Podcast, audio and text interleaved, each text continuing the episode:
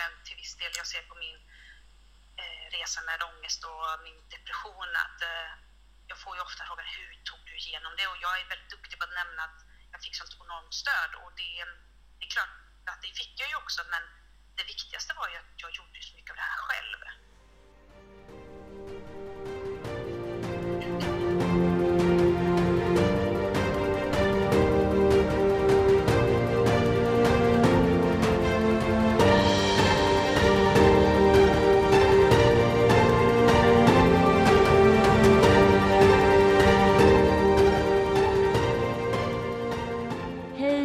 Varmt välkomna till Bakom fasaden-podden.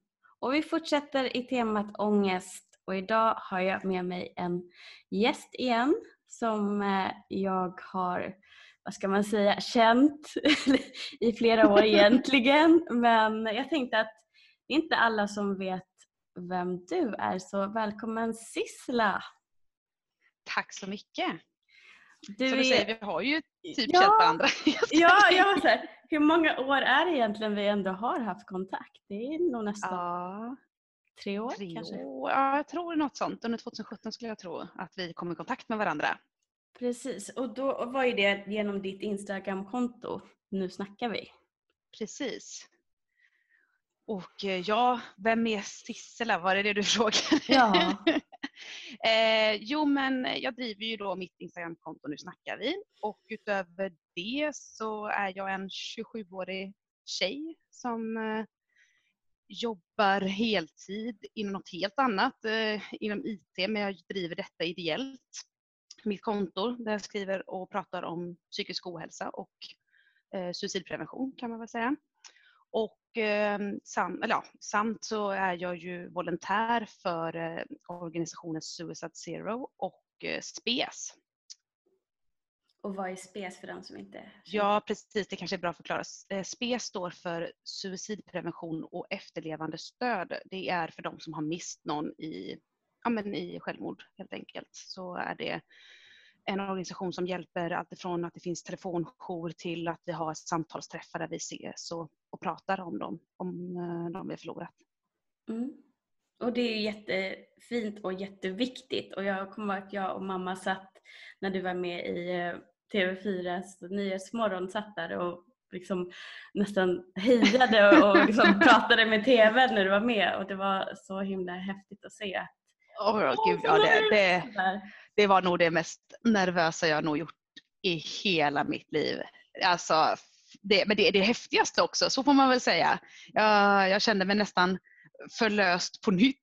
jag säga. Det är så konstigt, konstig formulering där, men det, det var en väldigt eh, Alltså, jag, jag vet inte hur mycket jag kunde förberett men det, det gick inte för att när man väl sitter där så är det så annorlunda ändå. Och, det, men det, ah, herregud, jag tyckte det var så himla fint att se efteråt när man gick av där hur många som stöttade en och om hur många av ens följare som skrev och peppade. Ja, men jag såg hur du delade något och hur andra tjejer hade gjort det. Det var så himla fint. Ja, och det var, det var häftigt att få vara, känna sig så nära dig Mm. där. Att vi pratade lite innan på chatten och sen till såg det och jag tänkte, gud hon verkar så lugn. Men jag tror Jag att man verkar ju ofta som det. Eller? Jag hade väldigt mycket lugnande Ja. Där Jag har hade, ju, ja, jag hade tagit eh, de här orosdämpande tabletterna Lergigan. Eh, det, jag kan väl säga att det är inget rekommenderat, men jag har överdoserat det en aning. Och eh, jag, jag jag hade en, eller en kompis, eller en väldigt nära kompis som sa det efteråt att när hon och hennes kille såg mig där så sa de att hon är inte som hon brukar. Ja. Hon har tagit någonting. Så att de, de såg igenom det ganska tydligt att, eh, eller ja, inte tydligt men att de noterade att jag var ovanligt lugn. Mm. Så kan man säga. Ja, men det kan jag tänka mig att känner man dig på det sättet och träffar dig så, så märks Mm. det på ett helt annat. Och det Ja. tänker jag, det leder oss lite osökt in på din historia med just eh, din ångest och, och din Mm. psykiska ohälsa. Jag tänker det är många som redan vet om din historia med din pappa till exempel. Men, Mm. så jag är lite mer nyfiken på vad, hur har din vardag sett ut? Hur började det för dig? Var det där det började? Nej, det skulle jag inte säga. Sen att det blev eh, väldigt tydligt efter att min pappas eh, självmord, eh, där det eskalerade såklart i mitt mående. Men jag var väl, ja, jag var ett ganska känsligt barn generellt skulle jag vilja säga. Det, jag var nog brydde mig väldigt mycket om vad andra tyckte och hur folk iakttog mig. Och det tror jag grundade sig bland annat i att jag blev retad som barn. Och eh, det kan ju tyvärr många relatera till att eh, någon som visar sig sårbar är lättare att hacka på och det, det var det som gjorde att det eskalerade och blev eh, mobbning till slut. Och det här ambivalenta, att ena stunden fick jag vara med de här tuffa tjejerna och ibland fick jag inte det. Så jag har, det skapar en osäkerhet hos mig själv att hur ska jag vara för att eh, passa in eh, och, och duga. Så jag kände ju av, eh, vad jag förstår idag, ångest väldigt tidigt stadie i livet. Och när jag kollat igenom dagböcker, för jag antecknade väldigt mycket från, skulle vilja säga 8, 9, ja men framförallt upp till 12 års ålder, mellan 8 till 12 då. Och um, jag noterar ju hur, um, ja men det var mycket tankar på livet, det gör ju de flesta barn, det är ju ett, det är en utvecklingsprocess i det, men att det blev mycket det här existentiella frågorna som att borde jag finnas? Eller borde, varför, varför blev det så här för mig? Och så, och så vidare. Så jag fick ju faktiskt till och med suicidtankar under ja, 8-9 års ålder redan på grund av mycket ångest och att jag kände att jag inte passade in och inte dög. Okej. Var det någonting som du pratade med någon om i så tidigare? Um, jag jag var, hade, jag har väl alltid haft en god relation till mina föräldrar och det var ju min mamma visste väl om, jo hon visste om det, det var ju till och med ett, vid ett tillfälle jag sa att nu, nu vill jag inte och Ehm, att jag skulle dö. Jag kommer inte ihåg exakt hur jag formulerade mig eftersom jag var, var så liten. Men uh, jag vet att jag gick ut på balkongen och mamma satt i soffan. Hon trodde väl inte riktigt på mig men jag gick ut och ställde mig med ena foten på räcket. Det, det minns jag så starkt. Hur gammal jag var det vet jag inte, säg tio. Um, och det, det, det, noterar, det kommer jag ihåg men eh, jag, det hände ju ingenting uppenbarligen. Men um, det, de visste ju om att jag mådde väldigt dåligt utav hela den här eh, perioden och hela den ja, det situationen som var. Så att, och skolan var fullt medveten om det, eh, att eh, det var påfrestande. Men jag tror inte jag uttryckligen sa att jag tankar på att dö kanske. Men eh, jag hade ju människor runt mig, absolut. Så om du var tio då och sen så dröjde det fram till 19 när din pappa gick bort i suicid. Mm. Eh, under den här tiden, hur mådde du då emellan? Ja, när jag var 11 flyttade vi. Eh, då flyttade vi eh, till en eh, stor gård efter att ha bott i mitt i centrala Göteborg, så det var ganska kontrast där. Men jag fick ju en nystart och det var ju det som gjorde väldigt mycket för mitt självförtroende. Så att jag tror att mitt bästa självförtroende var nog nästan när jag var 12. Alltså, det, det, jag var så kaxig på något vis för att det kändes som att man hade dött och, och, och, och fått um, återuppstå. Liksom. Det var en helt fantastisk känsla. Och, mm, men det, det, det, sen gick jag in en tonår och mycket av mobbningstiden kom ikapp mig. Man kan ju inte fly om man inte bearbetar saker. Och mm, det, det blev nästan ett ältande men eh, mycket saker kom ikapp och jag utvecklade tyvärr ett självskadebeteende eh, som jag inte faktiskt blev av med nog förrän jag var 18. Så ja, men, så att jag var 12-13 när jag utvecklade det och eh, kom sen i kontakt med BUP när jag var 14. Um, ehm, av andra orsaker också men det blev ju att eh, jag kom in dit tack, eller tack vare, det lät ju hemskt, men på grund av mitt självskadebeteende. Och eh, sen kom, blev det en behandling där under den tiden. Och det hjälpte, absolut. Tycker du att du fick ett bra bemötande där alltså? På, Eh, det är både och, så kan man väl säga. Det, är väl, det finns ju alltid tydliga eh, tydligheter i vad som kan förbättras. Det var en lång tid att komma in redan då. Nu pratade vi om 2006-2007, så det är ju över tio år sedan och idag vet vi hur katastrofal väntetiden är. Ehm, det, det var väl just, eh, i mitt fall är ju lite unikt, jag blev utredd för en ADHD-diagnos och eh, mina föräldrar var involverade och det gjorde ju också att som trotsig tonåring och hade mycket, liksom, mina problem då var väl främst killproblem och relationer överlag med kompisar och eh, hitta sig själv. Och att eh, då bli utredd för en diagnos man inte kände igen sig i. Som jag, jag kunde inte relatera till detta. Och jag vill inte bli stämplad eh, och bli kallad dampbarn som man gärna uttryckte sig då. Och, ja, det, var, det gjorde ju att det blev en så personlig effekt på mig. Ehm, men jag gick ju hos den här psykologen och jag trivdes och jag hade även en tid innan det eh, hos en kurator som jag har på skolan som jag trivdes. Alltså hon är fortfarande den bästa jag haft under alla år jag har gått i terapi. För hon, hon kunde relatera på ett personligt sätt också. Men så att jag tror mycket, hon hjälpte mig innan jag kom över till BUP helt. Alltså det blev övergångsfasen. Men ehm, det, BUP gjorde brister på annat sätt och jag tror fortfarande idag att de feldiagnoserar mig för eh, när jag var vuxen sen så fick jag diagnosen avskriven i en annan kommun. Känner du att det tyvärr... blir för lätt att man... För jag har upplevt att det är väldigt många som har fått den diagnosen allt för lättvindigt.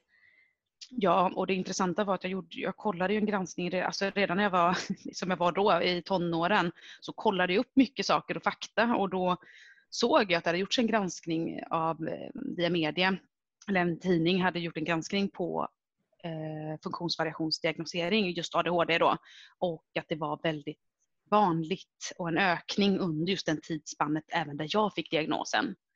Och när jag frågat läkare i efterhand när, vi, när jag gick på öppenpsykiatrin eh, när jag bodde i Uddevalla där jag pluggade på högskolan sen, då sa de det också att det, du kanske har, en, eller det minns så väl för jag tar med mig det än idag, att jag sa vad är det som gör att de har tratt, och sagt att jag har ADHD när jag uppenbarligen inte har det. Du kanske har en personlighet som lutar åt eh, det som man säger är ADHD, att man har den, den typen av personlighetsdrag istället. Och det tycker jag är väldigt fint för då menas det liksom med att jag kan vara, alltså jag, så här är jag till sättet och det har gjort att jag har accepterat mig själv på ett annat sätt. Inte i alla lägen men det, det, har underlättat väldigt mycket. Det blev som en sten som släpptes från axlarna vilket det ska kännas snarare när du får en diagnos. Det som folk, många beskriver är Åh vilken lättnad, nu har jag äntligen förklaring. Jag känner snarare, åh gud vilken lättnad, nu kan jag äntligen förstå varför jag är som jag är. på något ja. vis. Utan att det ska bli en diagnos på det. Och um, jag säger inte att det inte är um, um, att det är fel att få det utan det är nog en lättnad för väldigt, väldigt många. Men i mitt fall så var det väldigt unikt att, att jag fick en diagnos som inte var, var för mig. Eller var inte jag. Är du högkänslig? Tänker jag direkt. Ja. Det, och det är intressant det att jag fick på en föreläsning så berättade en, hon är, nu hittar jag inte namnet, men hon är lite känd lokalt här i, i Göteborg då. Eh, jag har varit på två av hennes föreläsningar, hon är helt fantastisk. Hon har sagt att det är inget vetenskapligt men det, det finns flera som har som har fått ADHD-diagnosen som inte kanske har det utan kanske är högkänsliga istället. Mm. Och då kände jag, thank God, det här förklaras också så mycket. Nu vet inte jag om alla vet vad högkänslighet är heller, men jag vet ju att du är ju det också så du kanske kan också förklara mm. lite vad det innebär. Ja. Eh, jag tänkte att jag ska ha en serie som förklarar det lite mer ingående men kort, kortsiktigt, som jag, eller kortsiktigt, kortfattat, som jag brukar förklara för mm. de som inte vet, att jag brukar jämföra med mm. en, en flockdjur. Där det finns mm. en individ då som har egentligen uppgift att hela tiden ha koll på omgivningen, eh, känna in efter faror och kunna varna. Mm. Att, mm. och att vi då är den individen, vi som är högkänsliga, för att till exempel på kontoret, jag uppfattar alla små skiften i folks humör. Eh, om det är någon som går iväg och hämtar kaffe. Allt sånt där uppfattar jag och liksom processar den datan så att säga. Och sen kan jag, har jag en mm. kollega som sitter precis bakom mig och han uppfattar ingenting av den sidan. Vi är som natt och dag där. Och han kan mm. inte ens uppfatta ibland när någon säger nu åker jag iväg till det här bygget. Medan jag, det är så här, full koll. Ja, de tog på sig den mm. jackan där och då, de åkte 12-12, du vet, full koll. Eh, och där kompletterar vi varandra på sätt och vis också. Men jag, jag kan bli så ja. fascinerad av att hur kan du inte uppfatta det? De gick förbi dig, de sa det. Medan han liksom tycker att hur kan du uppfatta att någon är lite gridning efter fem minuter? Ja. Sådana där saker. Ja. Men det är ju lite så vi fungerar. Att vi uppfattar allting, vi processar mer och just för att vårt nervsystem är utvecklat på ett annat sätt. Ja men precis. Och att man noterar liksom som du säger andras känslor i ett rum väldigt tydligt till att man kanske till och med eh, ja, men man, eh, det är inte bara det med känslor utan det är liksom alltifrån hur man reagerar på vissa miljöer. Jag märkte redan som tidigt som barn att när jag inte gillade att vara hos någon så blev jag så här, jag blev tillbakadragen, jag gillade inte det. Och samma med hur, ehm, hur kläder och sånt kan sitta åt till exempel. Jag, jag är alltid hatat strumpbyxor till exempel. Det är typ ja, jag med. Alltså, ja, men just den här kanten som är vid tårna. Ja. Fy 17. Alltså, jag vet inte hur många gånger jag bråkar med min mamma om det. Jag har fortfarande strumpbyxor ibland men det är ju bara för att jag tycker kanske att det kan vara snyggt men alltså ibland har jag strumpor ovanför strumpbyxan för att jag inte ska känna den där kanten. Det är, mm. jag med. Man, ja, och det är lite det som jag tror att, och sen får man väl betona också att alla eller alltså, högkänslighet är ju inte en diagnos, det är inte mer en formulering på en personlighetstyp. Men som du sagt, du kommer säkert gå in på det mycket djupare men jag vill bara så man klargör det för jag får ibland frågan när jag har skrivit om, om känslighet generellt på sociala medier eller om just specifikt högkänslighet eller HSP. Så att man eh, Ja, och där, precis och där vet jag också att det har varit eh, det var någon influencer, man ska säga, eh, ja. som fick föreslaget för sig att hon kanske var HSP då som förkortat High Sensitive Person um, och slog ifrån sig det att hon har absolut inte den här diagnosen. Mm. Och då kände jag mig så manad att skriva till henne att det här är ingen diagnos, det är liksom Nej. Det, det är, någon, det är en gåva på sitt sätt. Mm. Uh, och när man inte vet hur man ska hantera det så kan det kännas jättejobbigt för att man känner allting så mycket och man kan drunkna ja. i sina egna känslor om man inte ja, känner till det. Och det var precis det jag också gjorde innan jag visste om det. Så för mig var det mer en lättnad som när man kan få en diagnos då. Men Läste du boken också? Drunkna inte i dina känslor. Den var revolutionerande. Ja. Och jag kände, och det var då jag kände som det kanske många känner när de får en diagnossättning. Jag blev sådär, åh herregud vad skönt. Mm. Um, och det kände jag också faktiskt, för det vill jag också gå tillbaka till lite det här med min ångest. Det var ju att jag fattar inte att det jag känt hela mitt liv har varit ångest. Uh, det kom ikapp mig några år efter pappa hade gått bort och jag tror efter min ADHD-diagnos avskrevs, då var jag ju 22. Och det var så fascinerande för jag, jag tror att till slut googlade på, på ångest.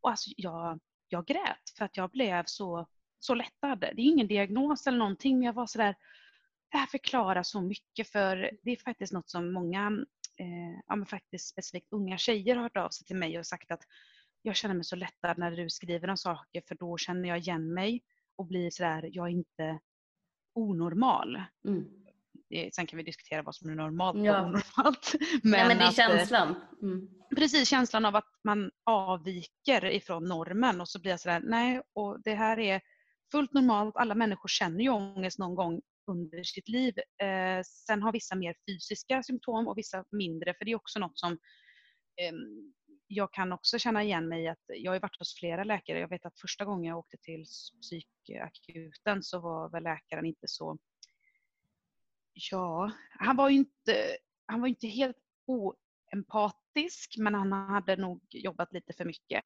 eh, med svårt sjuka kan man väl säga. Så han tyckte väl att jag inte visste vad ångest var. Mm. Och detta har ju gjort att jag har ju varit ännu mer tveksam i vad tusan känner jag då? Men eh, när jag började KBT sen och då gick jag på min vanliga vårdcentral och då när hon bekräftade att jag frågade flera gånger, är det här ångest? Är det här ångest? När jag tänker så här, är det ångest? Hon bara, ja, ja, ja. Så jag fick nästan vad ska jag säga, lära mig in det på nytt för att det var någon som sa nej och en sa ja.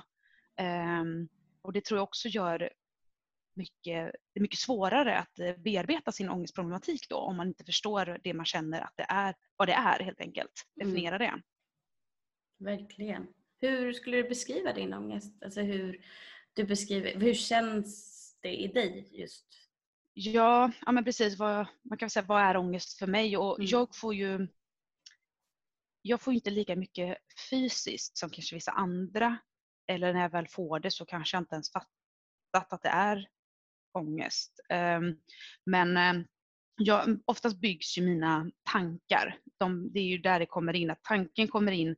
Vi bara drar ett exempel. Oftast så är det mycket med min självkänsla.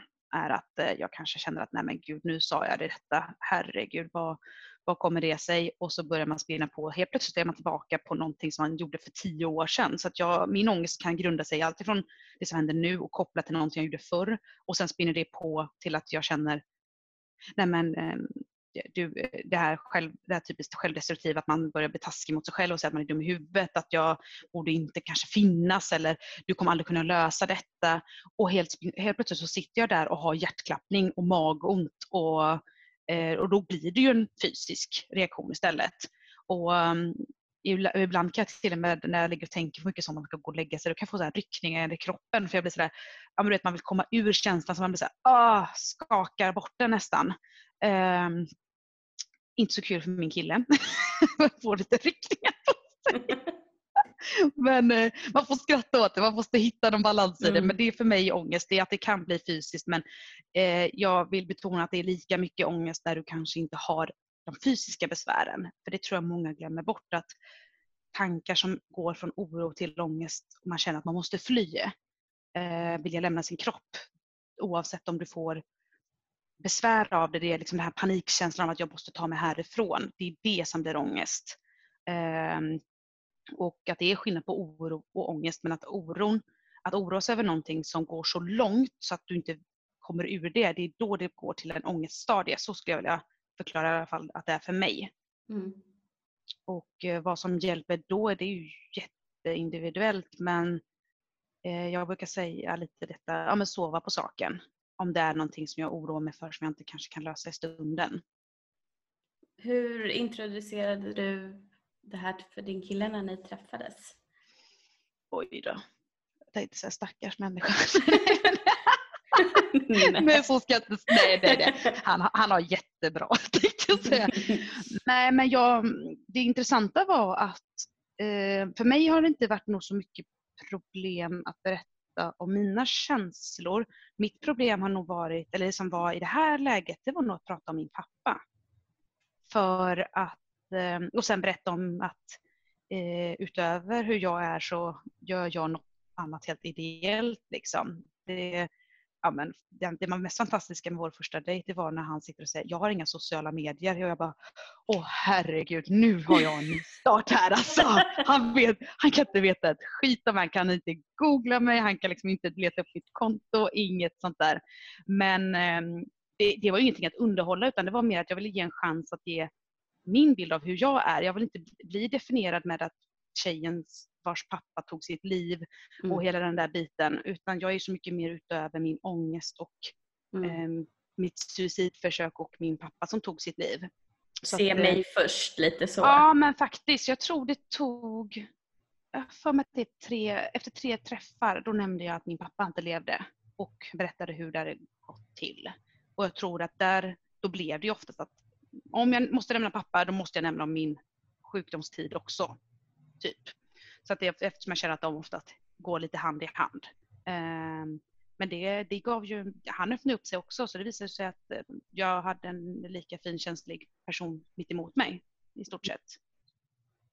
Till skillnad från alla andra dejter jag hade haft genom åren så märkte jag oj, det här var något annorlunda.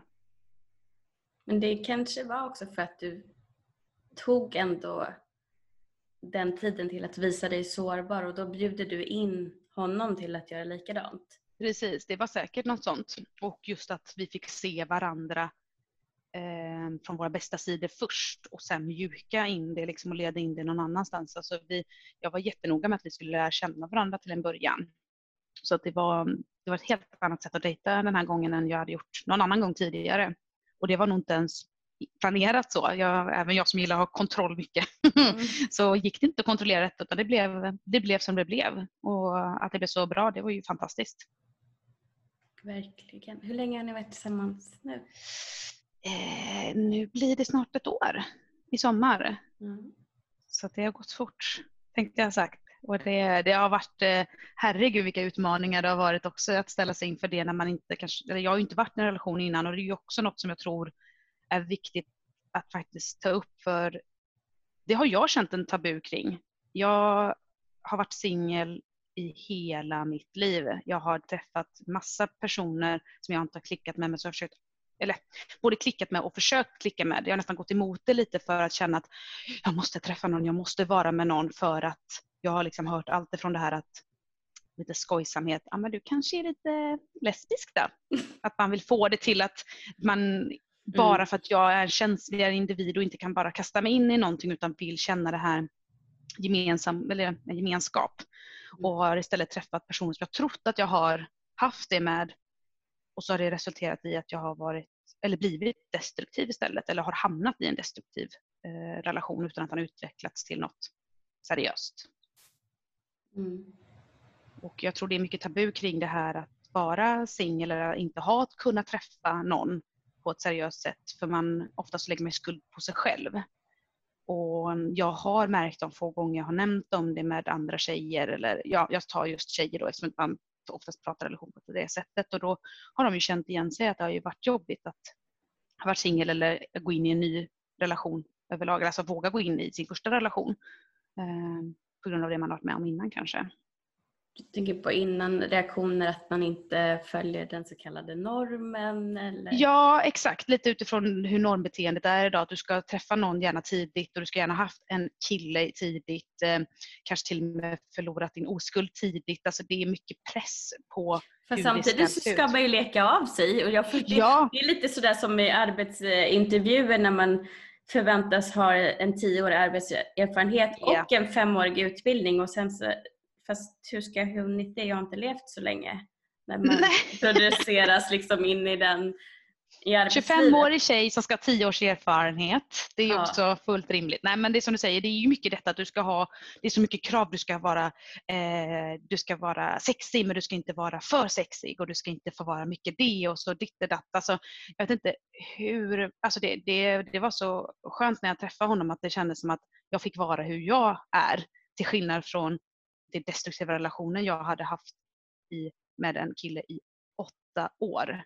Och hur han tryckte bokstavligen ner mig på många sätt eh, och fick mig till att bli något jag inte var. Jag, det här att du borde klä dig mer i, i klänning. Det är väldigt snyggt. Du borde klä dig mer med detta. Du borde kanske göra mer så här. Varför har du inte högklackat? Jag bara, äh, för jag är en sneakertjej. Vad är problemet? Nej, men du borde ha med det.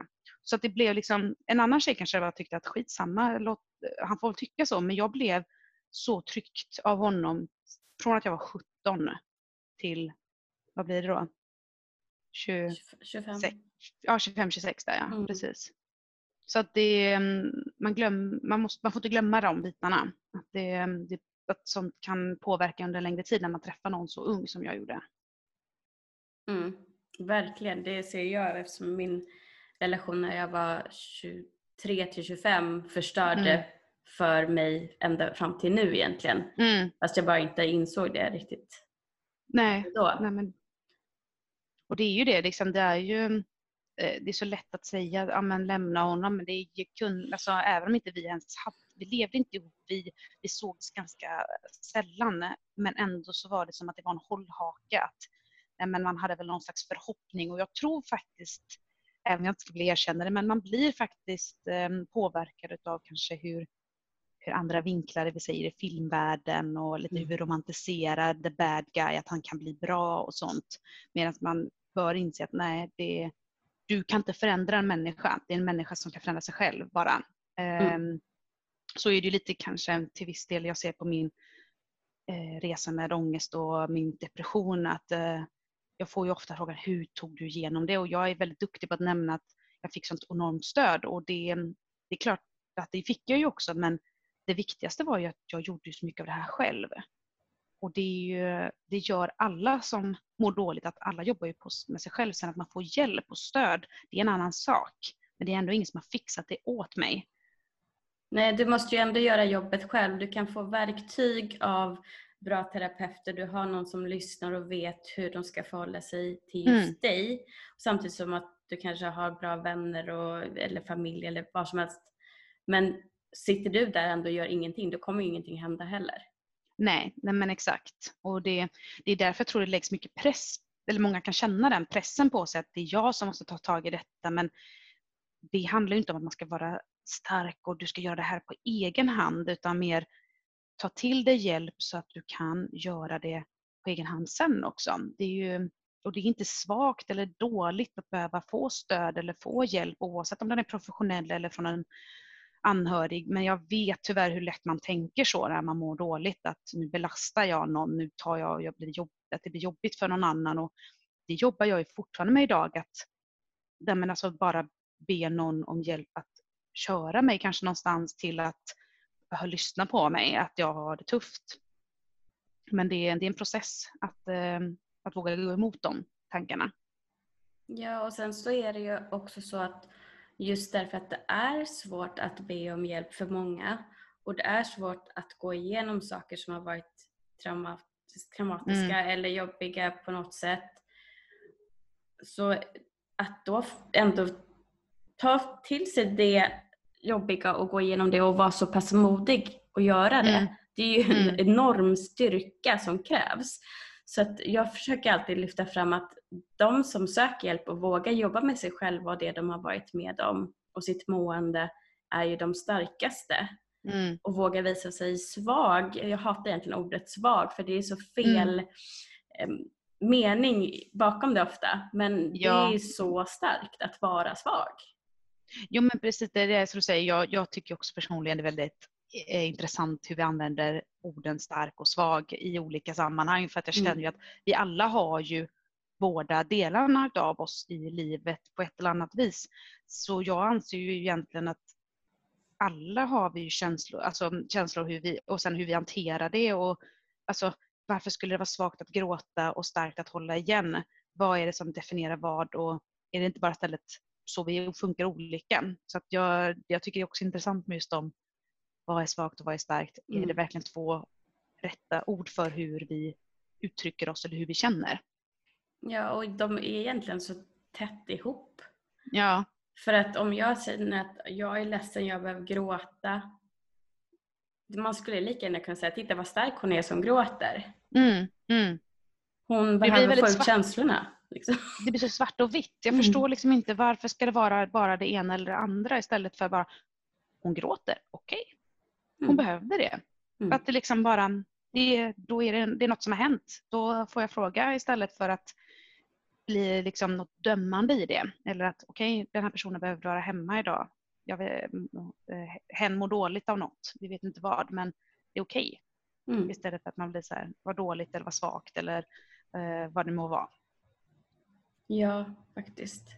Och sen så är det ju så att man är rädd för andras tyckande och tänkande och reaktioner fast egentligen så speglar ju de sig själva i, när de, mm. i mig när de speglar sig i kanske att de tycker att det är jättejobbigt att gråta och då kanske de tycker att det är skitjobbigt om jag börjar gråta för de vet mm. inte hur de ska hantera det de inte själva jag vet inte jag klarar av men jag hittar inte något bättre ord just nu. Nej. Men, ja. Nej men jag, jag förstår vad du menar. Jag brukar, jag brukar faktiskt säga det och försöka mantra det även för min egen del att när, när någon reagerar eller dömer hur vi mår eller hur vi känner oss så brukar jag säga att det är de som äger problemet och inte mm. vi som känner det som vi känner. Det, det, det är det jag känner, tänker ofta när någon har kanske ifrågasatt eller tänker, eh, vad ska man säga, det kanske inte varit så mycket nu men förr var det väl liksom det här med att jag var egoistisk som ville, eh, kunde tänka mig att ta mitt liv och hur jag visste eh, hur andra mådde med tanke på att min pappa dog på det viset. Och jag tänker så i efterhand att det säger så mycket mer om den person som sa så till mig än om jag som var dålig. Mm. Och eh, det säger mer om hur den här personen ägde problemet och inte jag. För mm. att just i det här fallet var det hon, hon kunde ju inte hantera att jag mådde så dåligt och det berodde säkert på rädsla och eh, osäkerhet men även kanske förtvivlan att inte kunna göra någonting eller känslan av att inte kanske kunna göra någonting som gjorde att jag kunde sluta tänka som jag gjorde. Mm. Och att det är mycket lättare, att, det är så jag tänker när många dömer personer som är suicidala eller eh, mår på något vis eh, psykiskt dåligt, är att man lägger så mycket skuld och ansvar på den just den enskilda individen. Och det tror jag många gör för att man känner att då har inte jag ett ansvar. Då behöver inte jag tänka på vad jag behöver göra för den här personen utan då är det lättare att säga du gör fel, du borde göra någonting, jag bryr mig inte mer. Mm. Lite stänga den där dörren för att visa att nu är problemet borta. Lite, lite som att sopa saker under mattan. Att nu finns det inget smuts längre, då, då är det lugnt. Mm. Jag tror faktiskt många tänker så. Ja, tyvärr. Jag det är lite av en människan funkar tyvärr. Det ja. är lite så. Att vi, när vi blir, hur vi reagerar. Jag tänker att vi, vi lever nog tyvärr i ett samhälle där väldigt många har inte kontakt med sina egna känslor och väljer att skjuta bort även andras obehagskänslor för de vet inte hur de ska hantera obehagskänslor själva. Nej. Och mycket handlar nog om att vi faktiskt inte finner oss tiden i att gå in i oss själva. Mm. För att det är så mycket vi ska göra hela tiden. Det ska vara karriär, det ska vara barn, det ska vara hus, det ska vara vad som helst, ett bra fri, eh, privatliv och du ska vara bra på jobbet. Jag tror ganska många människor känner sig att de får, finner inte tiden till att vara, stanna upp och vara i sig själv, vara i nuet. Utan det kan jag ju själv känna att ena stunden så måste jag vara, du ska vara där borta och, och i, om en vecka så ska du göra det. Alltså att man är hela tiden framåt eller så kom, hamnar man för långt bakåt. Mm. Dåtid eller framtid, sällan i nutid. Och um, jag tror det är det som gör att många skjuter undan när någon annan mår dåligt. För man säger, jag har inte tid för detta. Bara en mm. sån sak. Jag har inte tid för att någon ska må dåligt. Det, det, ni kunde väl se lite utifrån min pappas mående när han blev inskriven på psykiatrin och min mamma var, gjorde ju det mesta såklart för jag, det var väl ändå, kan jag känna, det låter konstigt att säga men jag känner att det var väl mest relevant i och med att jag var 19 och min lilla syster var ju då 17 och jag pluggade upp eh, min, eh, en kurs på komvux och skulle sen plugga vidare och jag tänkte så här, jag har inte tid för detta och jag måste fokusera på att kunna eh, flytta. Jag åkte själv och kollade på en lägenhet. Jag åkte själv och kollade på hur min skola skulle se ut och så vidare. Och jag kan till viss del idag känna att jag är ganska ensam då i, i att göra den resan som så många föräldrar annars är med på. Men det, å andra sidan så, så var det väl nog ett sätt att flykthantera det som hände. Eh, och att vara lite det här som andra skulle säga, gud vad starkt att du gjorde det här själv. Medan jag kände så här, varför var jag stark som gjorde det själv? Jag tror jag bara försökte hantera att min pappa var sjuk och jag hade ett, en fasad och en mur för jag fick inte säga till någon att han var sjuk. Så att ingen av mina kompisar visste ju någonting förrän den dagen han var död. Och det var nog en chock för andra runt mig att jag har ju bara spelat på att allting var ju så bra. Så mm. det, det är lite farligt det där att göra det ensam och vara så stark. Ja, verkligen. Mm. Om du jämför med hur det såg ut, ja, men dels omgivningens reaktioner och hur vården såg ut då mot hur det ser ut idag. Kan du se att det har blivit någon förändring? Um, Ja, jag ser ju att vi har en värld där det har blivit, eller framförallt vårt samhälle får väl utgå ifrån Sverige, att vi har en vård som är mer överbelastad än vad den var bara då. Min pappa var ju, eh, det är ju åtta år sedan nu i sommar som han gick bort. Ehm, jag ser att den är, det är mer tryck. Jag ser mer att det är resursbrist och det, det blir så tydligt att vi har Eh, inte kommit framåt i utvecklingen där. Vi måste behöva liksom, behövt en högre växel i, vid det här stadiet. Det är ju liksom inte någon nyhet att folk mår dåligt. Och, mm, så jag, jag, jag, jag kan ju inte säga jag hade önskat att jag kunde säga att jag ser en förbättring. Men jag ser fortfarande långa väntetider. Jag ser fortfarande där det sker, eh, eller, och framförallt det jag hör då, att det är felaktigheter, felaktiga bedömningar, att man bedömer fel när någon är suicidal och inte. Eh, så det är mycket, det enda som är positivt får jag väl uttrycka mig då, det är ju faktiskt att regeringen har börjat vakna i jämförelse med hur det var när jag började bli eh, ideellt engagerad inom Suicide Zero. och Det är ju för fem år sedan blev jag volontär. Nu börjar de ju se att okej, okay, vi tog inte tag i den där nollvisionen som vi satte för suicid 2008. Vi måste nog göra någonting. Ehm, Sen kan man tycka vad man vill att det skulle skett tidigare men det, det är relevant nu. Nu händer i alla fall någonting. De försöker. Jag tycker bara att vi ska väl vara lite snabbare men det, jag, jag vet inte hur vi gör det heller riktigt så jag kanske inte ska uttrycka mig men det, jag ser väl en process i att nu börjar vi äntligen prata om det.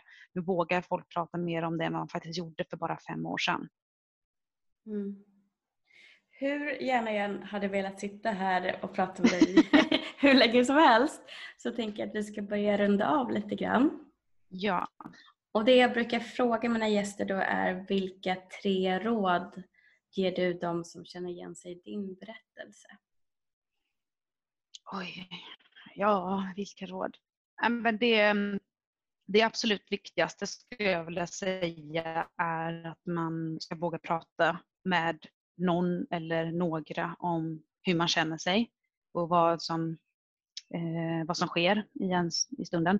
Det andra rådet jag skulle säga är att det här är inget konstigt eller onormalt, bara för att bekräfta det.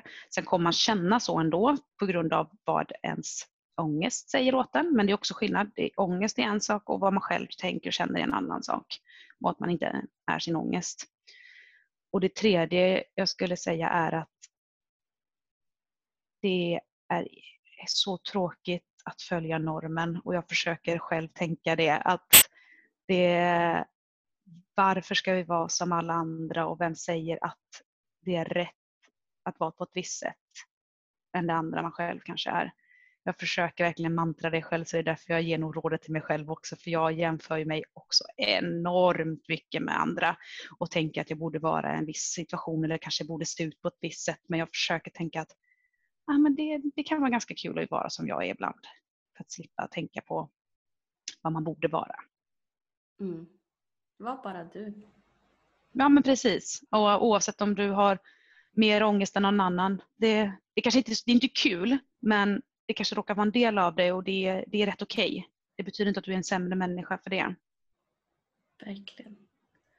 Jättefint och stort, stort tack för att du ville vara med här i Bakom fasaden-podden. Ja, men tack själv, jättekul.